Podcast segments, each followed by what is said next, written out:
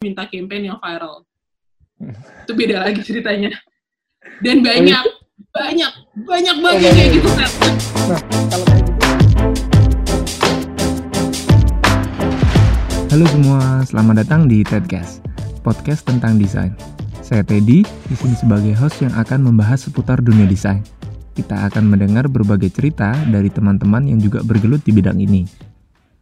Nah, untuk kali ini sih eh, aku bawa temanku lagi yang berlatar belakang di cafe juga, yang sekarang nih bekerja di creative agency di ibu kota, di Jakarta.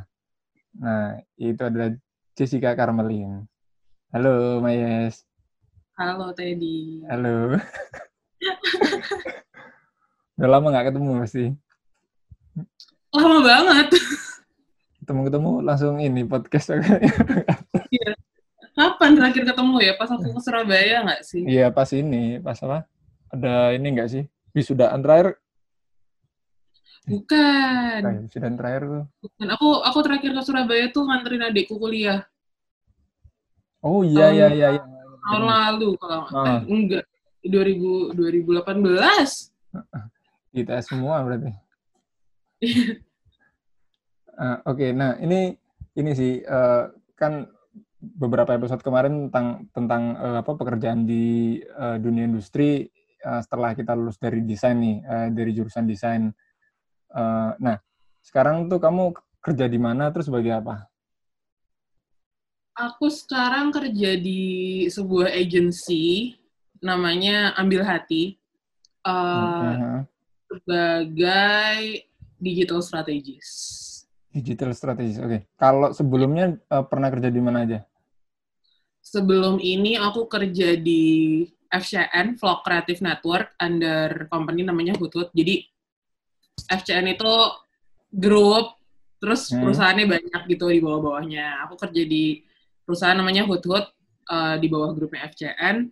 Sebelum di Hutut aku kerja di agensi juga namanya Lion and Lion. Oh, berarti udah dua kali pindah ya berarti ya? Iya, Masing-masing berapa tahun tuh eh, di agensi? Berarti ini ya benar ya rumornya orang agensi sering pindah-pindah berarti. I- Iya, itu tidak tidak salah. Tidak salah. Eh, banyak banyak banget yang pindah terus eh, banyak banget cepet banget turnover ya. Terus biasanya kita sih bilangnya kayak eh, transfer window-nya, musim transfernya kalau kayak di Hmm. bola itu Hmm? habis lebaran, Oh, habis THR, ini habis-habis ini berarti ya. Oh, berarti, habis THR. berarti Jadi kemarin nih gimana, gimana? kemarin banyak. Jadi aku sebelum lebaran, aku sebelum puasa. Aku aku baru pindah ke kantor aku yang sekarang juga aku baru pindah. Aku last day-nya itu eh, hari pertama, hari pertama puasa atau aku last day. Tapi emang kemarin sebelum lebaran teman-teman aku yang lain tuh ada beberapa yang pas eh, ini juga resign juga emang lagi transfer window lah. Hmm. Oke dari eh, sebelum lebaran sampai beberapa bulan setelah sebulan dua bulan setelah lebaran tuh pasti banyak yang pindah. Oh gitu. Berarti cuma Oh, iya. kayak range-nya paling setahun dua tahun gitu ya? Iya, aku di kantor pertama di Lion itu sat- satu setengah satu setengah tahun nggak lebih sih Mhm. setahun setahun tujuh bulan kalau nggak salah pokoknya lebih dari satu setengah tahun terus di kantor yang kedua ini sekitar sembilan bulan lah Hmm. kayak Itu- tahun sih aku. Eh, apa namanya? Eh, kalau yang sekarang berarti udah berapa lama diambil hati tadi? baru baru baru sebulan baru banget Baru sebulan. baru Oh, banget berarti- pokoknya pokoknya aku masuk itu hari ketiga puasa kalau nggak salah Oh, tapi rata-rata dari kerjanya hampir sama. Kamu Sama. sama atau eh, pas di sana ternyata eh, eh, masuk ke bidang lain gitu, maksudnya masuk ke job yang lain. sama sih. Aku uh, mostly di approach di ditawarin. Oh, jadi kayak dari dari pertemanan pertemanan gitu. Terus Hmm. teman-teman kayak eh lagi Jess lagi nyari lo nggak mau ke sini aja. Eh Jess lagi nyari gue nggak mau ke sini aja. Lebih gitu sih. Hmm, Atau kadang-kadang ada yang uh, approach di LinkedIn ada yang Mhm. di Oh, ada di LinkedIn email ya? Ada ada di LinkedIn banyak banget sebenarnya sebenarnya di LinkedIn banyak banget loh kalau kalian kalau kalian nyeriusin LinkedIn kalian dalam artian uh, semua experience Mhm. terus description-nya jelas di LinkedIn Hmm.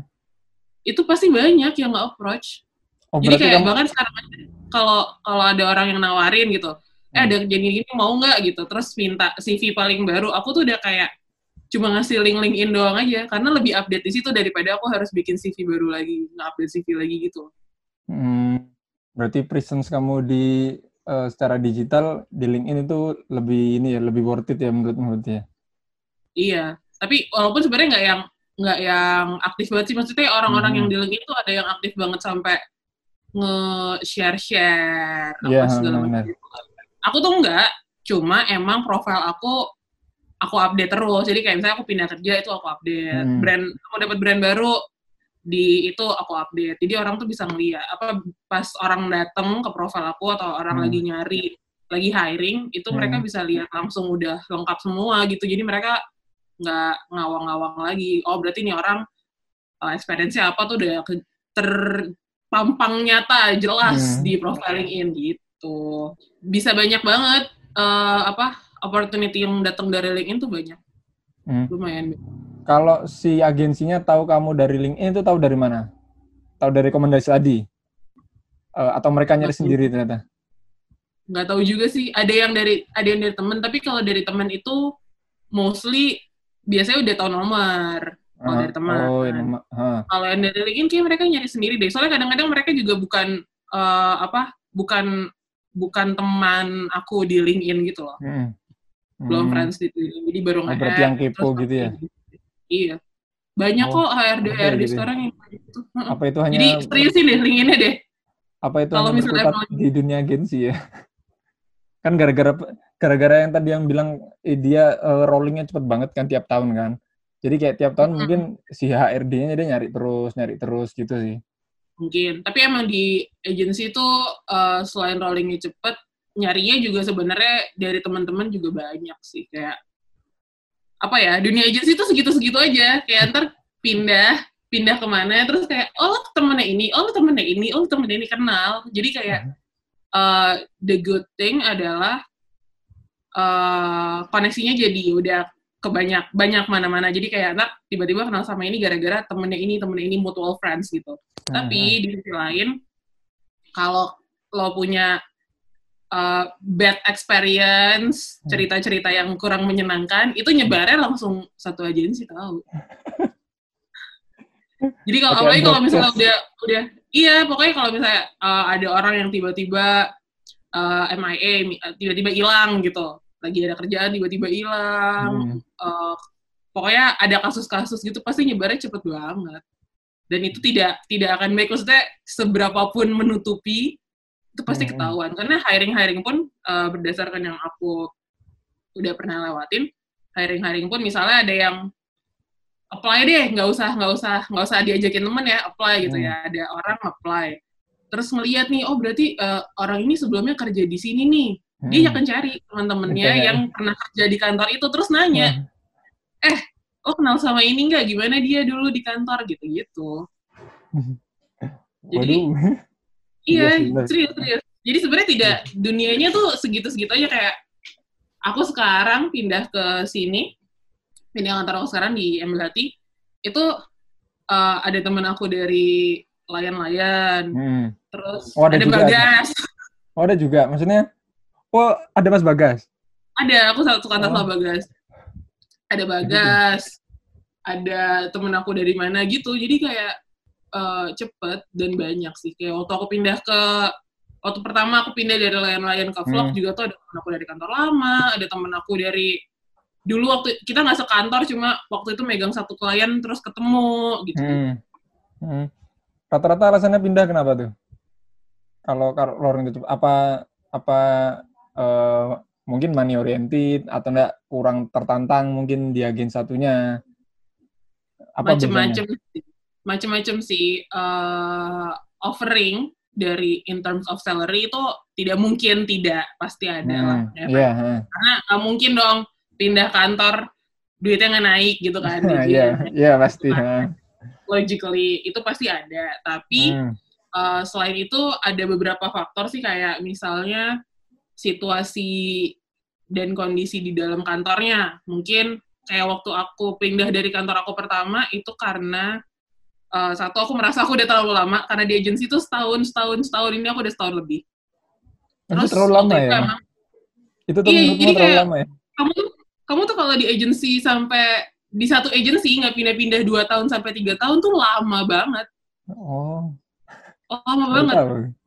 Oh, jadi gitu. kayak kalau udah kalau udah di agensi ada temen aku satu satu orang dia di agensi temen aku di kantor yang pertama di Lion hmm. itu dia tiga tahun di kantor di kantor itu kemarin setelah akhir apa setelah pas akhirnya dia uh, resign itu banyak yang nyelamatin. Selamat ya graduation.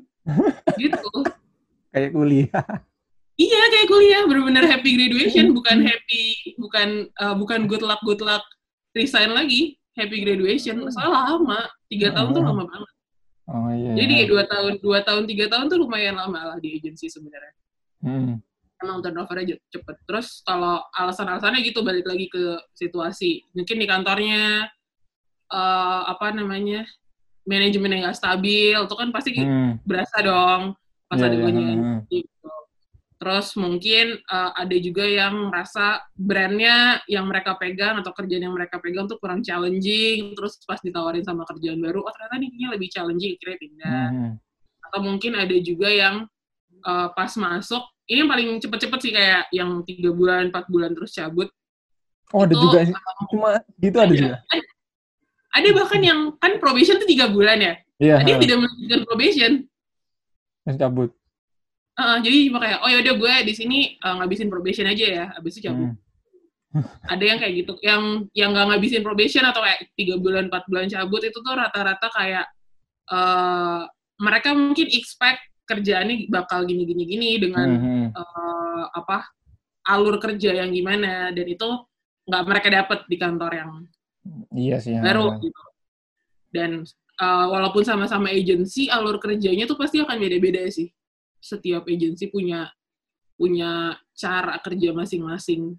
Jadi hmm. menyesuaikan ke situ juga kan butuh waktu. Untuk orang-orang yang merasa kayak gue nggak bisa nih kayak gini, kira hmm. pindah sih. Dan sebenarnya itu adalah itu kan mengapa ada probation kan? Iya, ya itu juga Untuk saling mengenal satu sama lain ya, gitu kan. Jadi kayak oh kan? kalau ternyata gue tidak cocok ya udah. Nah, cocok atau enggaknya kan nanti takutnya. Iya. Kalau terlanjur kan juga nggak enak kan. Betul. Jadi hmm. kalau dibilang probation tuh cuma kayak apa ya? Kan banyak tuh waktu itu orang-orang bilang kalau probation tuh ayo uh, kerjanya yang bagus biar hmm. lulus probation, kerjanya yang gini gini gini. Kalau dari aku sih kayak ya enggak itu tuh dua sisi gitu loh, dua arah. Uh, yeah. Kamu juga perusahaan melihat kamu, kamu cocok nggak kerja di tempat itu, kamu juga ngelihat kamu cocok nggak kerja di kantor itu gitu. Mm -hmm. Gak cuma kamu yang harus impress harusnya. -hmm. Iya sih. Ha kan dua arah tadi sebenarnya. Betul. Oh, itu keras tuh ya dunia agensi ini sangat lumayan, cepat sih. Sangat cepet, cepat. Cepet banget. Makanya kayak Rom, Romi tuh lama kan, dia nggak pindah-pindah kan kalau setahu aku. Iya, tapi kan dia kan bukan, uh, maksudnya dia lebih ke Ayam. desainnya sih sebenarnya sih. Iya, nggak agensi-agensi sih. Hmm. Lumayan lama. Siapa lagi ya yang di agensi?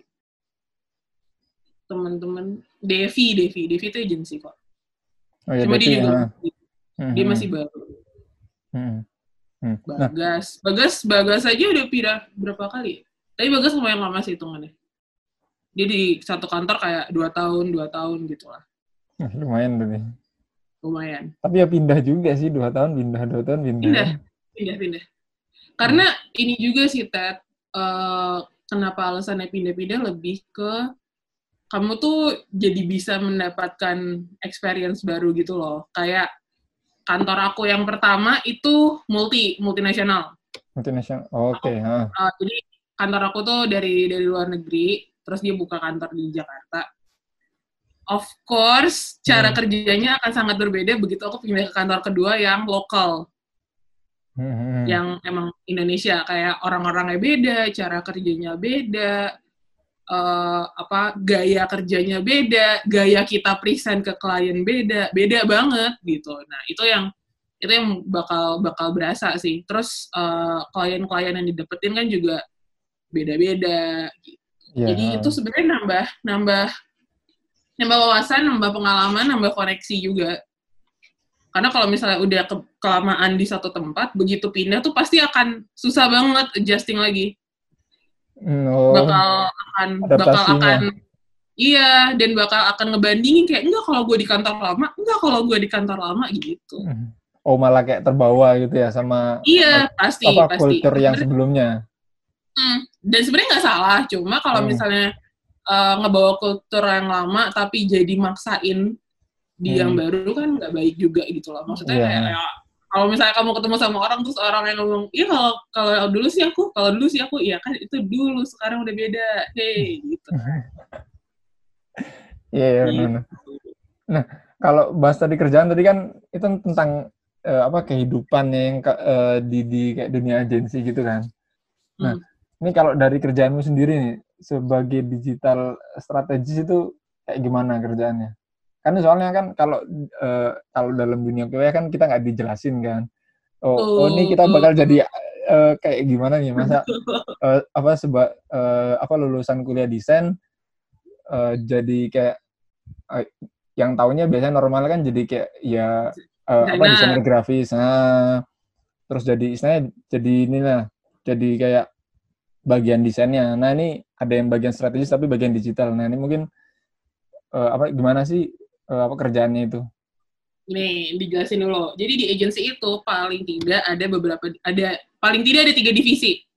Oke. Yang pertama divisi kreatif, Mm-mm. yang kedua divisi uh, account management, yang Mm. ketiga divisi planner, yang keempat kadang-kadang tuh kadang-kadang disatuin sama kreatif, kadang enggak itu di divisi uh, digital. Ini kalau agensinya udah 360 atau agensinya emang digital. Karena ada juga 360. agensi-agensi yang mm, ada juga agensi yang emang mereka nggak 360, emang cuma ngerjain digital doang, eh ngerjain uh, ETL doang, apa ngerjain video doang. ETL, ETL, above the ETL line apa above the line. Masa kamu Oh, nggak iya. tahu above the line? itu kan itu kan bahasa advertising soalnya agensi gitu sebenarnya iya kan Jadi uh, ETL tuh uh, iklan-iklan yang lebih konvensional kayak TVC, radio. Kalau misalnya ada di PLSM, PLSM tuh kayak uh, kalau ada booth di uh, Alfamart, di Indomaret, di Hypermart, gitu-gitu. Hmm, hmm, hmm. Kerjaan oke. ETL. Pokoknya ETL tuh bikin bikin yang gede, yang mass billboard, print Hmm. ad, gitu-gitu. Digital emang yang di eh, apa di dunia digital, sosial media, website, eh, outreach. Outreach itu gimana caranya menjangkau orang tapi nggak pakai eh, channel kita sendiri. Jadi pakai community, bisa pakai eh, selebgram selebgram, influencer, bisa pakai bisa bayar, bisa pakai eh, news portal itu namanya outreach. Nah. Di agency itu kadang-kadang ada yang kalau dia 360 kadang-kadang ada yang uh, social media sama digitalnya itu dijadiin satu sama kreatif. Tapi ada juga yang punya divisi sendiri. Gitu Hmm. di kreatif pasti ada art ada copywriter ada art director ada copywriter ada graphic designer. Kalau Hmm. emang uh, dia ATL tuh kadang-kadang suka ada yang bagian produser dan lain-lain buat syuting-syutingan Hmm, ada hmm. motion apa segala macam kayak yang biasanya kita tahu kalau kerja di, di cafe di bagian planner planner ini adalah orang-orang yang bikin plannya jadi eh, gimana kalau misalnya dapat brief nih Hmm. eh, klien mau bikin eh, campaign gini gini gini gini gini biasanya itu yang kerja pertama itu planner dia yang akan research dia yang akan nyari insight oh eh, audiensnya tuh kayak gini kalau misalnya kita mau deliver message ini mendingan kita bisa kita bisa pakai eh, beberapa alternatif cara gitu A B C dengan masing-masing insight gitu. Mereka yang akan cari mereka yang akan research. Kalau dari planner baru diturunin ke kreatif. Gitu. Account account management itu adalah orang-orang yang berhubungan yang menghubungkan antara internal agency sama klien orang kayak orang PR gitu loh sebenarnya. Hmm, hmm. jadi yang tektokan langsung sama klien setiap hari day to day itu orang-orang account Account, iya benar. Oke. Ah, orang-orang account yang ngurusin duit-duitan Hmm. segala macam pokoknya yang tektokan sama klien itu semuanya account jadi nggak Hmm. kalau misalnya kayak aku tuh aku nggak yang tiap hari ngomong sama klien Hmm. yang Oh. ngomong account nanti account yang akan nyampein Jess ini eh, klien minta gini Jess ini klien minta gini Jess ini klien minta gini gitu Hmm. Oke. tapi emang kadang ada ada ada juga kadang-kadang yang eh, klien-klien yang emang langsung minta tim internalnya tuh ada juga yang masuk ke grup yang bareng sama account atau mereka punya kontaknya langsung kayak aku beberapa kali langsung di chat sama klien gitu-gitu juga. Sebenarnya hmm, di beberapa kantor nggak boleh karena emang harus ada barriernya nih si account ini.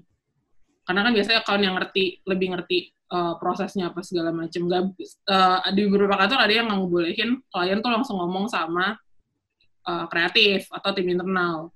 Pokoknya harus lewat account dulu. Tapi ada juga yang ya udah nggak apa-apa gitu. Intinya gitu. Kalau di agensi sebenarnya divisi-divisinya paling tidak ada ada itulah Hmm. Gitu. Kalau aku sendiri, aku tuh kerja di eh, dari awal aku kerja itu aku udah jadi social media. Jadi pertama kali kerja itu aku title-nya social media eksekutif. Emang ngerjain social media dan emang kantor pertama aku itu digital agency. Hmm. Jadi semua kerjaan itu kerjaan-kerjaan digital. Walaupun emang kadang-kadang ada yang kita harus tetap eh, klien tetap request minta bikinin billboard, klien tetap request minta bikinin video, minta bikinin ads buat radio, ya tapi sebenarnya eh, utamanya itu digital. Jadi emang kantor pertamaku digital banget lah istilahnya. Hmm.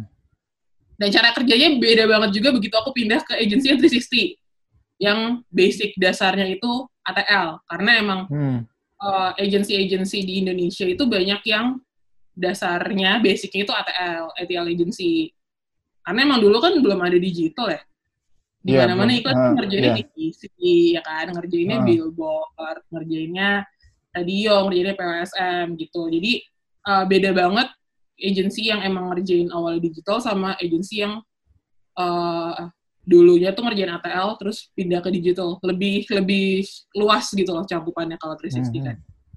Di sosial media ngapain? Sebenarnya eh, jawaban paling mudah dan jawaban paling bodohnya adalah jadi mimin. Oh, jadi admin. Nih, jadi admin. Iya, serius. Jawaban jawaban paling mudah dan jawaban paling bodohnya adalah jadi mimin. Jadi kalau ditanya, Hmm. kerjaan lo ngapain sih? Mainan Instagram. Dan nggak salah, emang iya. Iya, iya. ah. Mainan Instagram, mainan Facebook, mainan Twitter. Bahkan sekarang aku mainan TikTok. Serius, karena kayak kita harus kita harus ngecek kan tren-tren yang yang- running yang, yang running sekarang apa gitu. Hmm. Jadi kalau kalau ditanya paling gampangnya bahasa paling gampangnya jadi mimin karena yang Iya. balas-balasin komen segala macem itu tuh kerjaannya kerjaannya sosial media. Tapi kalau mau di lebih seriusin tapi lebih diseriusin tapi tetap gampang bahasanya adalah eh, apa pun yang kamu lihat tentang sebuah brand di digital Hmm. itu ada kita di belakangnya yang ngatur. Oke. Jadi misal eh ada sebuah brand, brand apa ya yang bisa kita kasih contoh? Eh, adalah misalnya ada sebuah brand Marjan Brand makanan, brand makanan. Marjan makanan. lagi lagi lebaran ya kan. Iya, ah. Nah, kenapa dia keluarnya pas lebaran doang? Itu pasti ada strategi dari brandingnya, Hmm. dari dari dari kliennya. Tapi apa yang kamu lihat di digital, jadi ntar tiba-tiba kamu ke hit sama ads-nya dia di YouTube, kamu Hmm. kenanya yang 6 second apa yang 30 second terus misalnya kamu tiba-tiba ada di main ke Instagram media terus di Instagram media ada konten apa aja terus tiba-tiba dia nanti ada quiz terus ntar tiba-tiba di Twitter ada orang yang tiba-tiba ngomongin eh, si Marjan bilang tiba-tiba eh gila Marjan punya rasa baru nih gini gini gini gini Hmm. gini gitu itu semua kita yang ngatur Hmm, hmm. jadi kayak eh, kita yang kita yang kita yang merencanakan, kita yang ngeplan, kita yang bikin strateginya supaya message-nya tuh nyampe. Jadi kadang-kadang aku tuh kalau ngelihat ada orang-orang di Twitter, di Instagram, di mana pun sih ngomongin sebuah brand tuh udah nggak nggak terlalu percaya itu dia honest review gitu loh. Even kalaupun dia tidak menyebutkan brand. Kenapa? Iya. Karena itu kerjaan aku yang biasanya aku bikin tuh kayak gitu. Jadi tiap kali tiap kali lihat ngeliat yang kayak gitu tuh pasti dilihat lagi. Enggak sih, ini settingan sih. Langsung kayak gitu sih.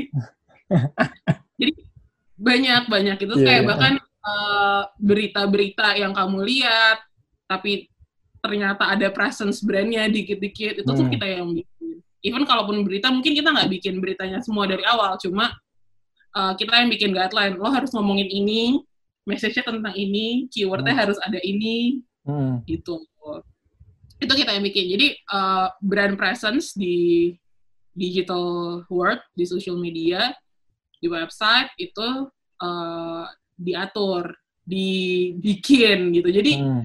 kayak apa ya aku kadang-kadang suka bilang sih sama orang-orang even apa terutama uh, orang tua ya yang tidak paham gitu-gituan jangan Hmm. percaya-percaya amat sama apa yang lo lihat di social media di digital di website jangan terus kayak ih tapi ini oh, view-nya banyak loh kak. Iya. ini yang like banyak loh kak. Lah ya itu kita bayar mereka supaya view-nya banyak dan like-nya banyak kan? Iya. gitu. Jadi kayak jangan percaya percaya banget karena semuanya diatur. Tapi percaya juga nggak apa-apa. Kalau kalian percaya kan kerjaan saya berhasil. Hmm, bener, bener tuh, bener tuh. iya. Salah satu, salah satu apa bukti kan, proof bahwa itu berhasil ya dengan dengan dengan kadang-kadang respon kayak gitu juga. betul. Gitu. Jadi eh, lebih lebih ke situ sih kerjaan yang ngatur yang kayak gitu sih. Termasuk eh, balesin komen gitu. kalau misalnya kalian suka lihat eh brand apa ya di Twitter? Kayak Grab deh Grab sama Gojek. Kan Atau sering atau gini, buka atau yang pernah kamu garap deh.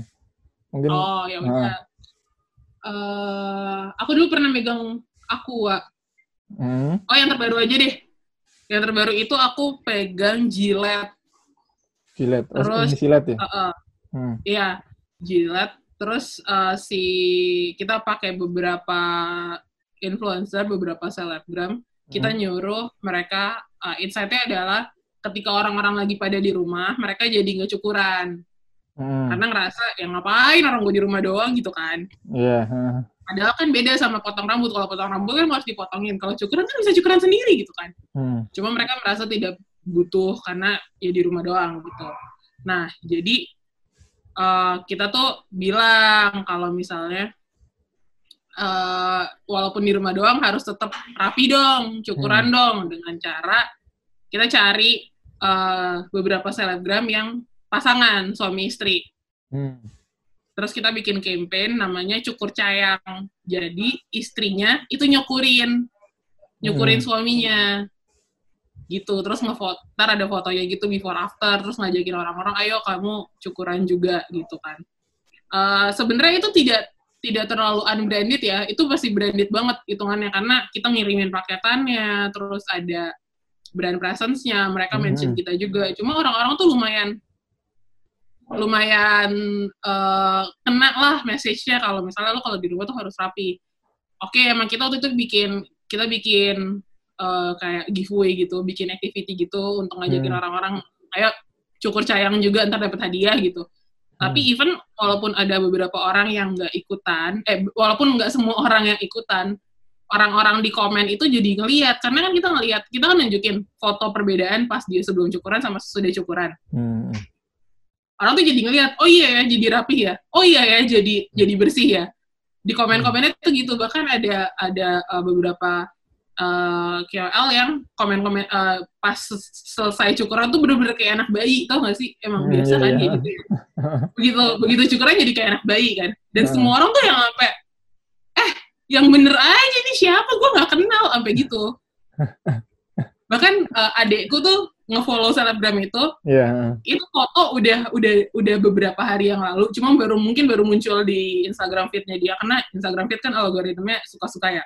Hmm. hmm. adik aku tuh sampai tiba-tiba masuk gitu loh ke kamar aku. Kak ini beneran dia cukuran bukan editan? Enggak coy ya ampun gitu. Jadi kayak at least orang jadi ngeh kalau oh itu loh kenapa lo harus cukuran? Ayo dong rapi dong gitu. Hmm. walaupun eh, kan emang sebenarnya inti utama yang kita mau ajak kan itu kan. Hmm. ayo cukuran walaupun di rumah doang harus tetap rapi. Nih kalau cukuran jadi gini nih jadi ganteng jadi cakep gitu. Kalau kalau ternyata mereka jadi ikutan cukuran dan jadi ikutan uh, activity kita ya Hmm. uh, poin plus jadi bonus aja sebenarnya gitu sih. Walaupun sebenarnya di kita harapin sih mereka ikutan, cuma paling enggak message utamanya kan udah nyampe Hmm. hmm. gitu. Dan emang waktu di cukuran itu di cukur cayang tuh kita ngasih edukasi juga kalau cukuran itu nggak boleh kering. Ya kamu cukuran kering apa enggak? Itu pakai pakai krim, pakai krim. Nah sebenarnya nggak harus pakai krim, Krim pun, iya, paling nggak basah. basah. Jadi ha, dibasahin iya sih. dulu. Biar nggak Baru- iritasi kan katanya.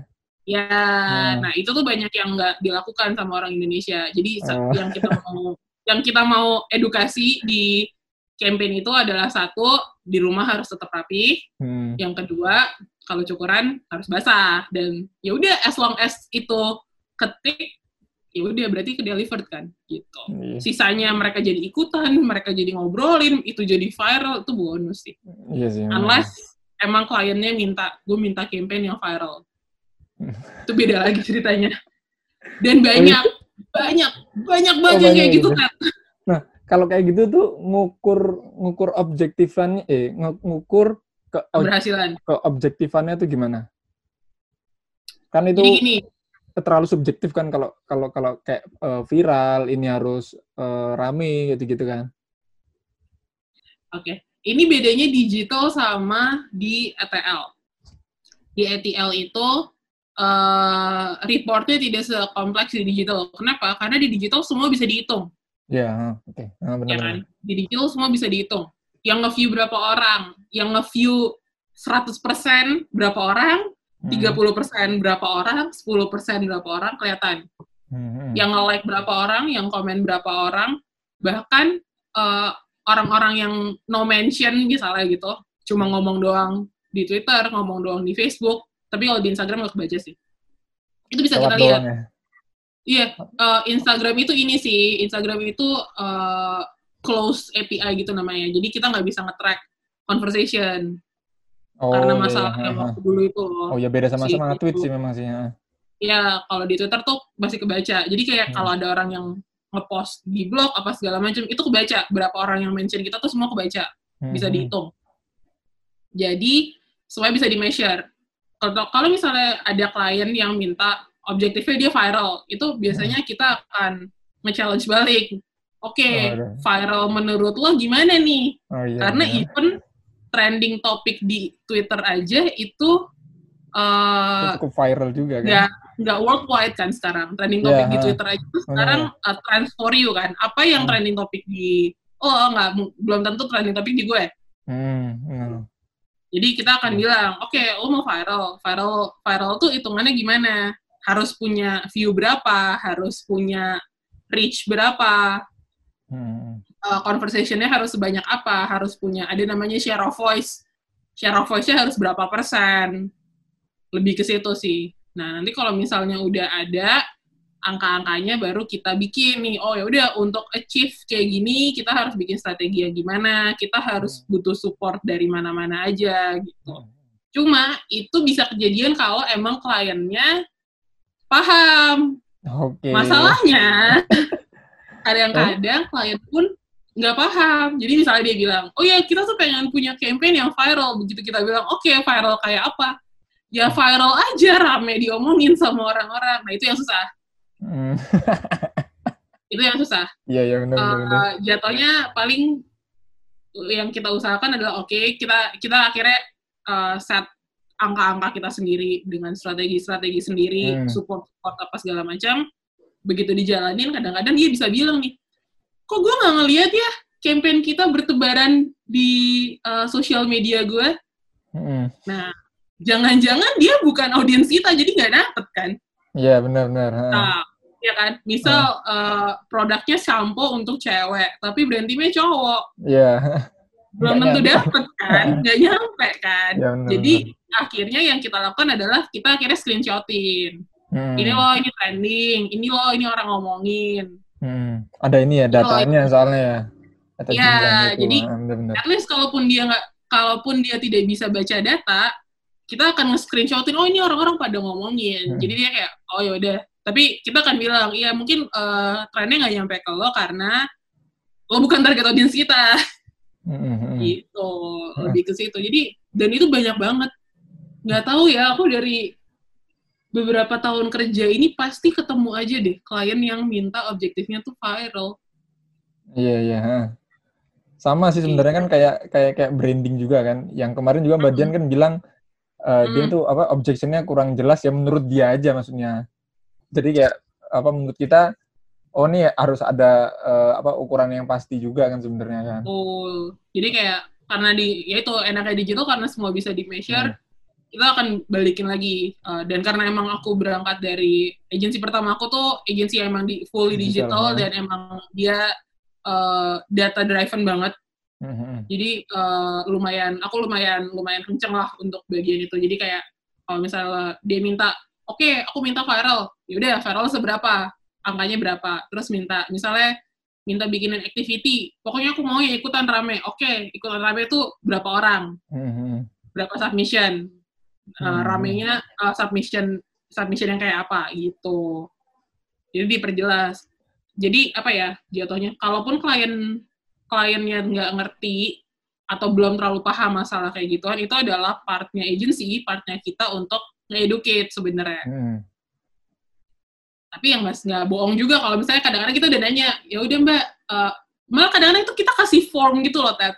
Oh ada oh kayak pas yang account yang pertama kali ketemu maybe gitu ya. Iya, ngasih form gitu ya. kadang-kadang nah kadang-kadang misalnya dia cuma minta dia nge-brief gini gini gini gini atau dia nge- nge-brief kalau ngasih briefing itu kan sebenarnya ada dokumennya Mhm. ada formal formal briefingnya by Hmm. email dijelasin apa segala macam tapi emang kadang ada juga klien-klien yang briefnya brief brief dadakan nggak ada formal briefnya Hmm. akhirnya kita bingung kan karena takut Iya. salah apa segala macam gitu Eh, terus kadang-kadang tuh sampai kita kasih ini dokumen untuk formal brief so, formal brief yang dari kita aja nih yang isinya Hmm. simple tinggal diisi aja kadang-kadang Hmm. itu aja nggak diisi Iya iya. gitu aja ya udah pokoknya eh, aku tuh maunya gini gini gini gini gitu Hmm. jadi kayak ya itu partnya kita sih walaupun emang walaupun kita kadang-kadang sudah berusaha nge-educate pasti ada aja sih klien-klien yang eh, kayak gitu atau mereka mungkin mereka butuh cepet atau kayak gimana itu part kita Hmm. jadinya kayak paling enggak eh, tim dari account itu akan nyatetin semua yang dia omongin Mhm. terus akan dikirim by email oke mas berarti jadinya kayak gini ya gitu Hmm. oke mbak berarti jadinya kayak gini ya gitu Mhm. jadi mereka tinggal balas ya oke gitu ya kalau kalau dia nggak bisa bikinin formal briefnya kita yang bikinin gitu Mhm. Soalnya itu nanti ini kan baik lagi ke kamu garapnya gimana nanti.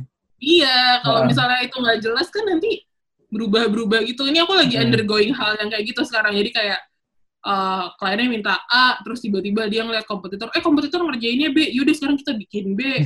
Terus tiba-tiba dia ngeliat ini eh kayaknya ini seru kita bikin C. Terus tiba-tiba bikin C gitu. Ini Hmm. aku lagi kemarin sampai kayak enggak gue nggak mau.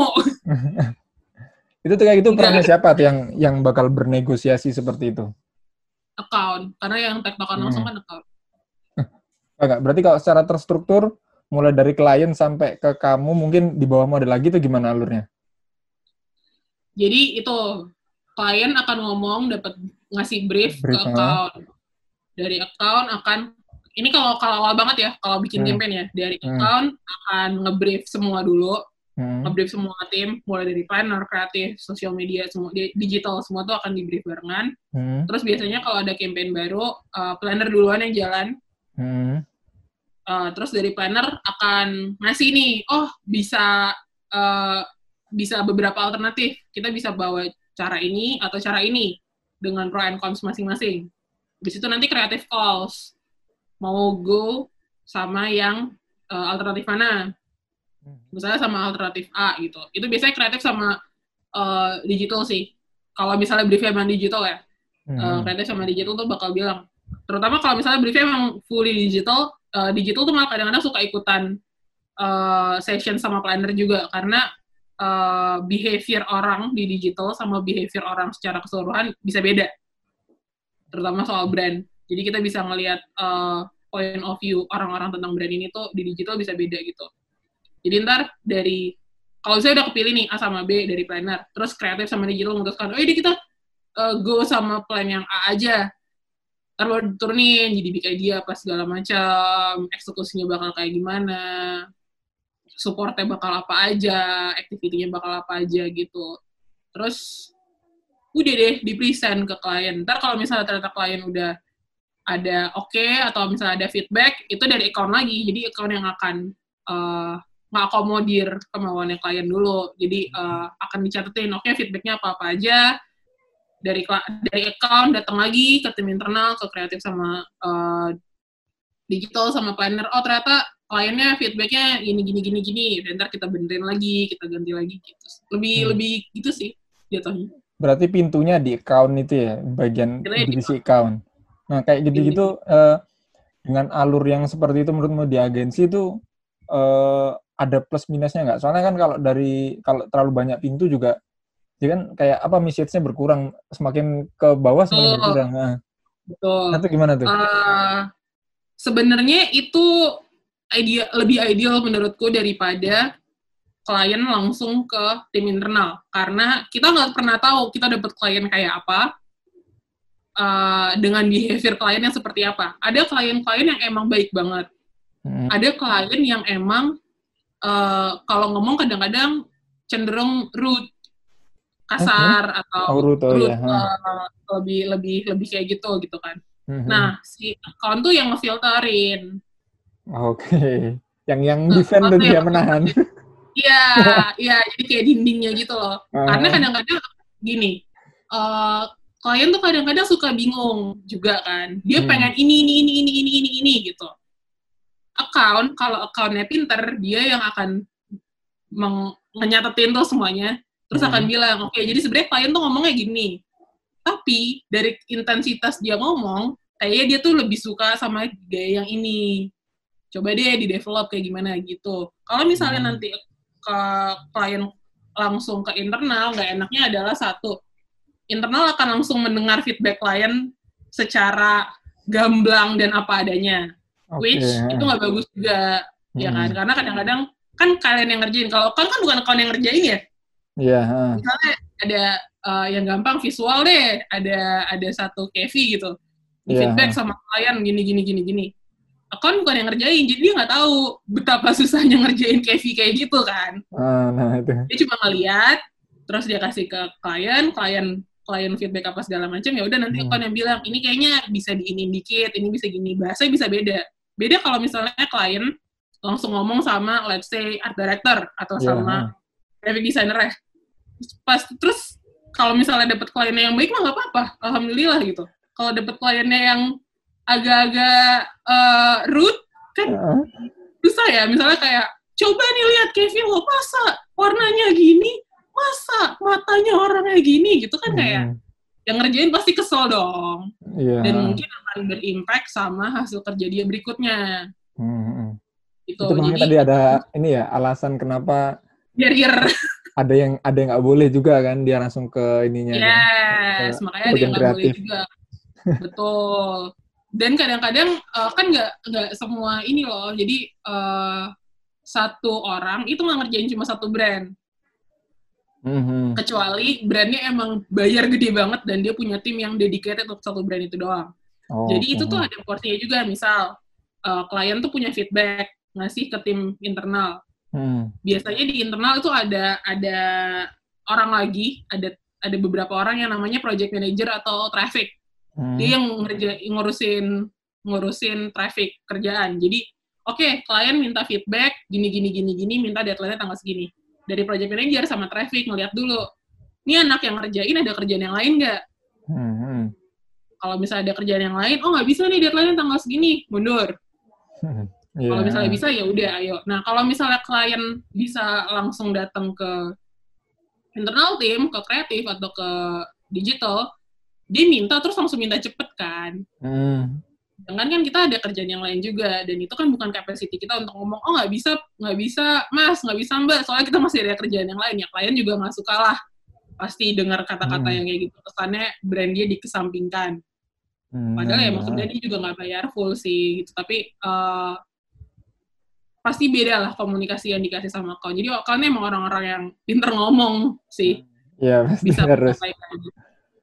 Jadi aku beberapa kali tuh emang ada uh, kontak langsung sama klien. Jadi ada beberapa klien yang emang langsung uh, ngehubungin apa segala macem. Salah satu yang paling menyebalkan menurut aku waktu itu ceritanya tahun lalu kayaknya. Uh, aku tuh lagi libur, libur lebaran. Oke, lagi libur, libur lebaran, lagi libur ya. Lagi libur cuti bersama, lagi libur cuti bersama. Uh. Terus di kantor lama, di ini di kantor aku yang pertama. Di kantor hmm. aku yang pertama ini emang uh, lebih strict untuk urusan libur-liburan. Jadi kayak hmm. di di di apa lebih lebih strict. Terus dikasih pengertian lah kliennya ya kalau lagi libur, uh, please expect ada delay hmm. untuk kita ngebalas apa segala macam. Nggak bisa langsung cepat, ya namanya juga libur gitu kan. Kita nggak yeah. pernah tahu orangnya lagi ke mana gitu kan. Nah, di saat lagi cuti bersama itu lagi libur lebaran. Ini untungnya sebenarnya aku di rumah sih. Aku di rumah, aku lagi ngecat rambut. Ingat banget, sumpah. Aku lagi ngecat rambut di belakang situ di kaca. Sumpah. Terus tiba-tiba klien aku tuh nelpon berkali-kali. Hmm. Berkali-kali. Mikir kan, iya, kenapa aku ditelepon? Tapi aku nggak mau ngangkat. Oke, okay, oke. Okay. Karena, karena pasti akan beda deh. Pasti akan lebih susah uh, untuk ngeles ketika kamu ditelepon langsung sama pas lagi di chat kan. Kalau di chat kan masih bisa mikir dulu. Iya. Yeah. Nah, jadi telepon berkali-kali, aku nggak mau ngangkat. So aku langsung ngechat nih di internal aku, eh ini klien nelfonin gue kenapa? Aku bilang kayak gitu kan. Takutnya tiba-tiba ada krisis, tiba-tiba ada orang komplain apa segala macem gitu kan. Mm-hmm. Ternyata, abis itu nggak lama kliennya ngechat aku. Ternyata kliennya tuh request, dia itu punya fitur baru yang baru launch. Terus dia pengen langsung dikomunikasikan di sosial media. Mm. Hari itu juga. Terus aku bilang kan, Mas, tapi ini hari libur. Mm. ya kan? Mm-hmm. Terus akhirnya aku bilang, ya udah gini, aku kasih aku kasih soal aku kasih alternatif lah.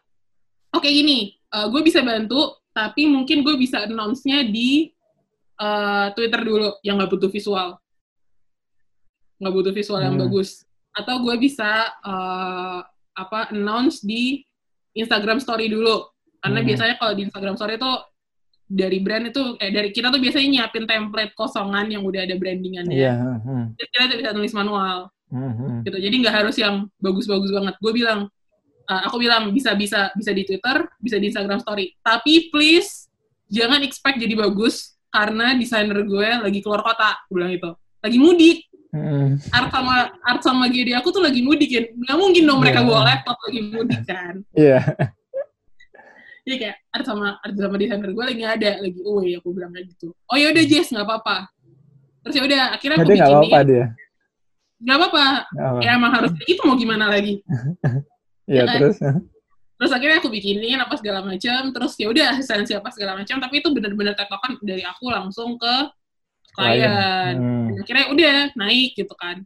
Aku bilang lah ditanyain kan sama tim internal sama account. Hmm. kenapa Jess? Dia minta apa? Aku jelasin lah ceritanya gini gini gini gini. Hmm. terus aku tanya kenapa dia nggak ke account dulu, kenapa langsung ke gua gitu kan, hmm. kenapa langsung, kenapa kok bisa dia sampai nelpon berkali-kali langsung gitu loh ke aku gitu kan. Uh, Itu sampai project manager aku yang bilang sama accountnya, ini nggak boleh ya kejadian sekali lagi kayak gini, masa uh, klien langsung nelponin request mana di hari libur lagi gini-gini gini gitu kan. Ternyata itu, karena kalau misalnya dia akan minta ke account, account pasti akan nolak briefnya dong karena nggak bisa mas ini lagi hari libur. Oh ini jadi ini, nice try. Uh, apa namanya kliennya yang pinter nih. Iya jadi kliennya tuh nice try langsung ke aku. Uh. terus dari dari dari tim dari tim dari project manager juga bilang Jess lain kali kalau kayak gitu bales aja. Oke mas aku ngomong dulu ya sama account aku gituin Jess. Biar dia langsung ngomong ke account gak lewat kamu lagi. Oke mbak. Hmm. gitu ada kok beberapa kali gitu. Kemarin juga ada uh, beberapa kali klien yang langsung tektokan sama aku. Jadi kayak ini lucu sih. Kita tuh padahal lagi ngebahas di grup yang rame-rame gitu kan. Grup yang sama hmm. klien. Hmm. bahas apa ya waktu itu? Ngebahas caption atau ngebahas description gitulah buat YouTube buat ads. Hmm. lagi ngebahas di grup rame-rame tiba-tiba uh, kliennya ngebalesnya tuh di personal chat. Oh, di PM okay. Dia cuma bilang gini, pusing gue di grup keramaian. Udah kita discuss di sini aja. oke. Oke. Ya Nah, udah. Tapi itu masih nggak terlalu tuh. Yang paling yang salah satu yang paling aku ingat dan aku kesel tuh itu sih pas aku Pas lebaran liburan itu. soalnya pasti sih. iya pas liburan soalnya. Dan sebenarnya nggak yang nggak yang sebenarnya nggak susah-susah banget juga requestnya Mm-mm. cuma kesel aja karena ya mintanya langsung hari itu juga mintanya langsung gitu-gitu itu loh kayak Hmm. ya coy ini gue ngerti lah di dunia digital digital tuh semua harus serba cepat Harus cepet, iya cepet Cuma kan- semua kan. emang semua harus serba cepat cuma nggak yang magic gini juga sih Mm-mm. gitu Kan juga efeknya ke hasil yang kamu bilang tadi sih sebenarnya sih. Itu ngefek atau enggak kan. Betul. Percuma juga kalau minta tapi enggak ngefek. Betul, karena kan nggak nggak kalau yang cepet-cepet kayak gitu kan jadi nggak dipikirin secara menyeluruh gitu kan. Hmm. Cuma ya udah yang penting naik, yang penting tayang, yang penting approve gitu loh. Hmm. Dan itu kan tidak tidak baik sebenarnya. Itu paling gini juga sih kalau yang klien itu dia dia yang ditugasin maksudnya terus dia diminta oleh bos-bosnya yang itu. Iya, pasti. Ya mungkin kayak Dan gitu pasti iya sih. Jadi jadi ada pressure gitu dia. Nah, Dan itu lama loh. Itu pas pas kejadian itu kan emang itu fitur emang fitur baru banget. mm, Uh, dan emang dia dia diminta dari bos-bosnya kayak gitu. Jadi itu aku approval yang ngebenerin kata-kata dan kalimatnya itu bos dia, bukan dia lagi. Dan aku tahu, dan aku tahu bosnya Ah. berapa kali kan kita meeting uh, ketemu sama bosnya. Dan iya. dia bilang, iya ini dari ibu ini gitu. Ini aja udah approve sama ibu ini gitu. Wah, itu Oke. repot lagi. Udah udah di agensi banyak eh, bariernya terus Nah, juga. betul. Waduh, Betul. waduh susah Jadi mau nggak mau tuh sebenarnya Nah. berasa sih. Kemarin aja aku kayak ada plan-plan bikin Instagram live lah apa segala Hmm. macem. Itu tuh nggak nggak jadi gara-gara di agensi eh di agensi di klien kliennya tuh kepentok birokrasi sendiri gitu. Oh iya. Dan Apalagi klien yang biasanya tektokan sama kita tuh dia curhat juga Hmm. gitu kadang-kadang kayak iya gue tuh udah propose tapi dari ini tuh susah dari ini dari ini gitu-gitu. hmm, Dari ini tuh belum approve approve gue udah ngasih gitu-gitu juga.